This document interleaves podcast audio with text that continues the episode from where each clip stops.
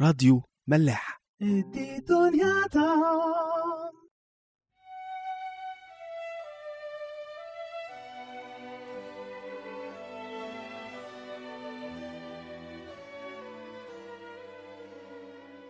مساء الخير واهلا بيكم في حلقة جديدة من عيش وملح.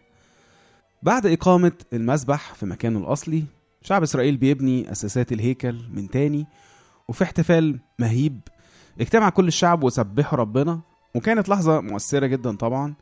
الشيوخ اللي كانت حضرت الهيكل الأولاني بكت والشباب اللي أول مرة يشوفوا الهيكل كانت بتهتف من فرحتها. وكان كل الهتاف عظيم جدا لدرجة إنه محدش بقى مميز أصوات الفرح من البكاء. بس في وسط كل ده هل يا ترى إبليس هيسكت؟ خلونا نكمل ونشوف. إدي دنيا طعم سفر عزرا لصح الرابع من أول عدد. ولما سمع أعداء يهوذا وبنيامين أن بني السبي يبنون هيكلا للرب إله إسرائيل تقدموا إلى زربابل ورؤوس الآباء وقالوا لهم نبني معكم لأننا نظيركم نطلب إلهكم.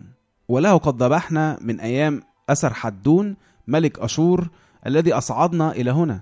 فقال لهم زربابل ويشوع وبقية رؤوس أباء إسرائيل ليس لكم ولنا أن نبني بيتا لإلهنا.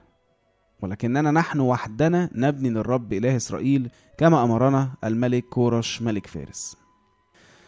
طبعا أكيد الشيطان كالعادة مش هيسيب الدنيا تمشي بالنعومة دي والحقيقة دي حاجة لازم كلنا نتوقعها في أي حاجة بنعملها وطالبين فيها ربنا. مش صح أبدا إن الحاجة اللي فيها ربنا لازم هتمشي بنعومة. آه طبعا أكيد هنحس بإيد ربنا بتمشي وبتدي نعمة بس لازم هنحس برضو بإيد إبليس المقاوم.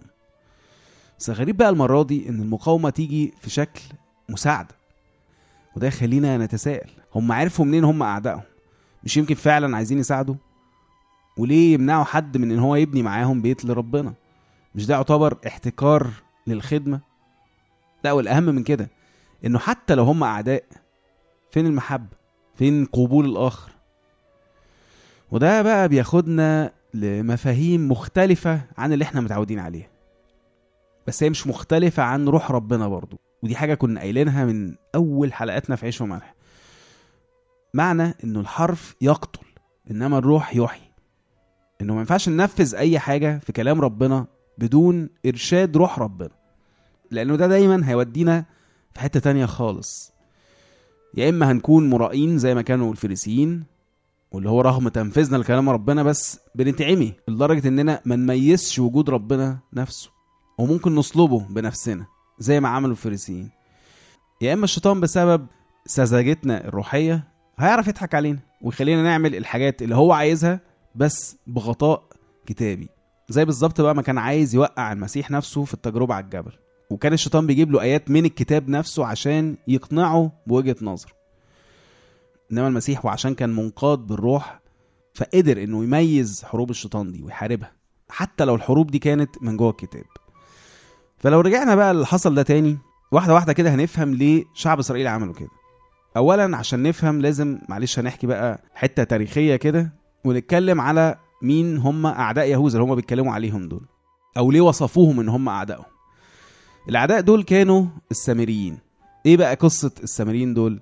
لو نفتكر كده اللي حصل في مملكة إسرائيل أو مملكة الشمال يعني طبعا زي ما إحنا عارفين شعب إسرائيل كان اتقسم بعد موسى سليمان لمملكة يهوذا اللي فيها يهوذا وبنيامين ومملكة إسرائيل اللي فيها باقي العشر أسباط وشفنا إن مملكة إسرائيل من الأول اختاروا يبعدوا عن ربنا وبقى عندهم عبادة موازية عبادة مشوهة للي كانت موجودة في يهوذا.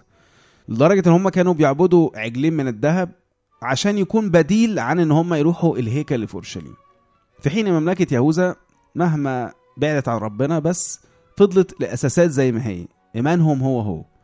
فدي أول حاجة إن عبادة مملكة إسرائيل أصلا كانت مشوهة. بعد كده بقى لما سقطت السامرة والأشوريين سابوا كل اللي فيها كان نظامهم بقى مختلف شوية عن اللي حصل مع مملكة يهوذا. ما سابوش الأرض فاضية إنما جابوا شعوب من حتت تانية كتير وسكنوهم في السامرة. ادي دنيا طعم واللي جم دول جم بآلهتهم طبعا. وبنشوف بقى في ملوك تاني صح 17 إزاي ربنا اتعامل معاهم عشان يفهمهم ان هو إله المكان ده وإنه مهما حصل في الشعب اللي كان ساكن هنا فده مش بسبب ضعف الإله ده إنما بسبب بعدهم هم عنه. ونتج عن تأديب ربنا ده في الآخر عهد ما بينه ما بين السكان الجداد دول. فيقول لنا كده في أعداد 35 ل 41 وقطع الرب معهم عهدا وأمرهم قائلا لا تتقوا آلهة أخرى. ولا تسجدوا لها ولا تعبدوها ولا تذبحوا لها. بل إنما اتقوا الرب الذي أصعدكم من أرض مصر بقوة عظيمة وذراع ممدودة وله اسجدوا وله اذبحوا. واحفظوا الفرائض والأحكام والشريعة والوصية التي كتبها لكم لتعملوا بها كل الأيام. ولا تتقوا آلهة أخرى. ولا تنسوا العهد الذي قطعته معكم. ولا تتقوا آلهة أخرى. شوفوا قالها كم مرة. بل إنما اتقوا الرب إلهكم وهو ينقذكم من أيدي جميع أعدائكم.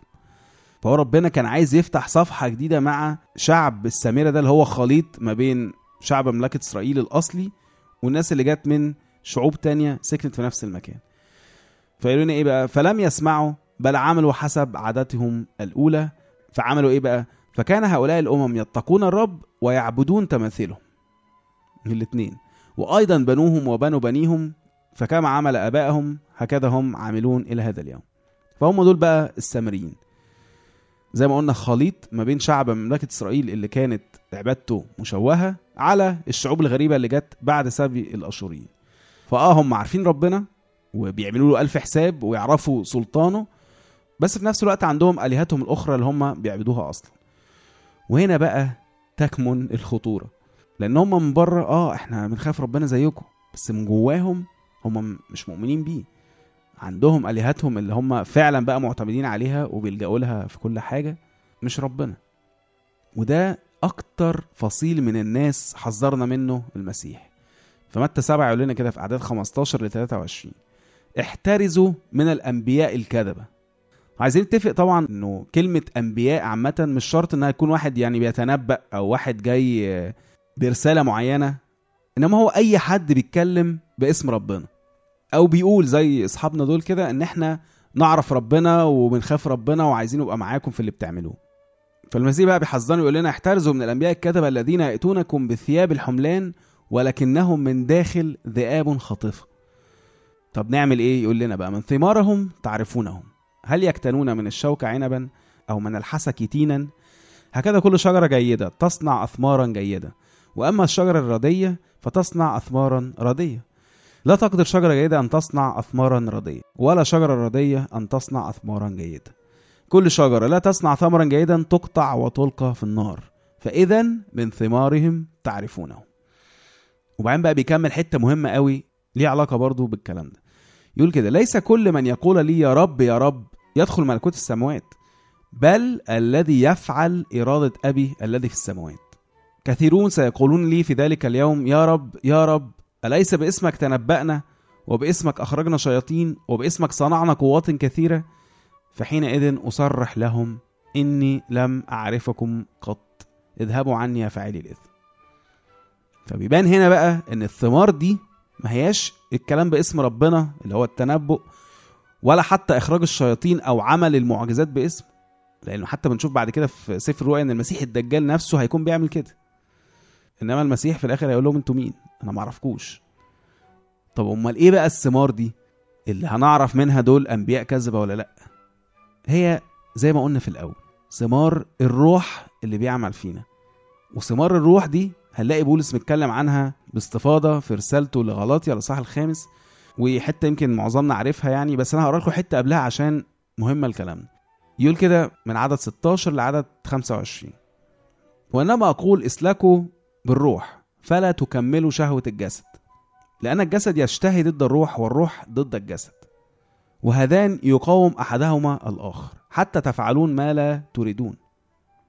فهي حرب دايما ما بين الروح أو مطالب الروح ومطالب الجسد.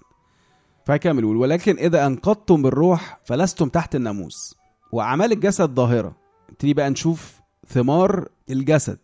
أو أننا نمشي ورا الجسد. يقول كده التي هي زنا عهارة نجاسة دعارة عبادة الأوثان زي السامريين كده سحر عداوة خصام غيرة سخط تحزب شقاق بدعة حسد قتل سكر بطر. وأمثال هذه التي أسبق فأقول لكم عنها كما سبقت فقلت أيضا إن الذين يفعلون مثل هذه لا يرثون ملكوت الله. وبعدين بقى يقول لنا كده وأما ثمر الروح فهو محبة فرح سلام طول أناة لطف صلاح إيمان وداعة تعفف. ضد أمثال هذه ليس ناموس ولكن الذين هم للمسيح قد صلبوا الجسد مع الأهواء والشهوات. إن كنا نعيش بالروح فلنسلك أيضا بحسب الروح. فالسامريين دول كانوا بيعملوا معظم اللي بولس اتكلم عليه ده ماشيين حسب الجسد مش حسب الروح وعشان كده ثمارهم بينت هم إيه. حتى لو كانوا وعلى كلامهم إن هم بيطلبوا ربنا وبيقدموا له ذبايح بس قلوبهم في حتة تانية خالص. فده بقى يخلينا إحنا كمان نفكر في نظرتنا أو حكمنا للناس بشكل تاني. مش إن إحنا نبقى بنشك فيهم أو نتوقع الشر إنما نحكم بشكل أعمق. إنه مش بالكلام ولا بالأعمال المبهرة إنما بالثمار ثمار الروح. أصل أوعى تفتكر يعني الشيطان بالسذاجة إن يوم ما يجي لك عشان يصاحبك أو يقنعك بأفكاره أو عشان يوقعك في أي خطية هيجي لك بشكله المخيف أو الشرير يعني. إنما زي ما عمل مع حواء هو يجي لها في شكل حية حكيمة عايزة مصلحتنا. وعشان كده المسيح يقول لنا كده بقى في متى 10 16 ها أنا أرسلكم كغنم في وسط ذئاب فكونوا حكماء كالحيات وبسطاء كالحمام. هو عايزنا نتشبه بالحيه دي بس في حكمتها. وما نبقاش بالسذاجة اللي تخلينا نمشي ورا أي حد يقول لنا هو ماشي ورا ربنا ولا بيتكلم بكلام ربنا أو بيعمل مشيئة ربنا. عشان كده لازم نبقى دايما صاحيين ومفتحين عينينا. خصوصا وإحنا زي شعب إسرائيل كده بنأسس أي حاجة عايزينها لربنا سواء كنيسة كبيرة أو حتى علاقة ما بين اتنين. لازم نمتحن الروح ده. في رسالة يوحنا الأولى الصح الرابع اول عدد يقول لنا كده أيها الأحباء لا تصدقوا كل روح. بل امتحنوا الأرواح. هل هي من الله؟ لازم تسأل السؤال ده دايما لأي روح لأي فكره لأي حد حتى نفسك. لأن ممكن الروح ده ما يكونش من الله. لازم نستوعب دايما إن إحنا في حرب. ومحدش عارف الضربة ممكن تجيله منين. نشوفكم الحلقة الجاية. راديو.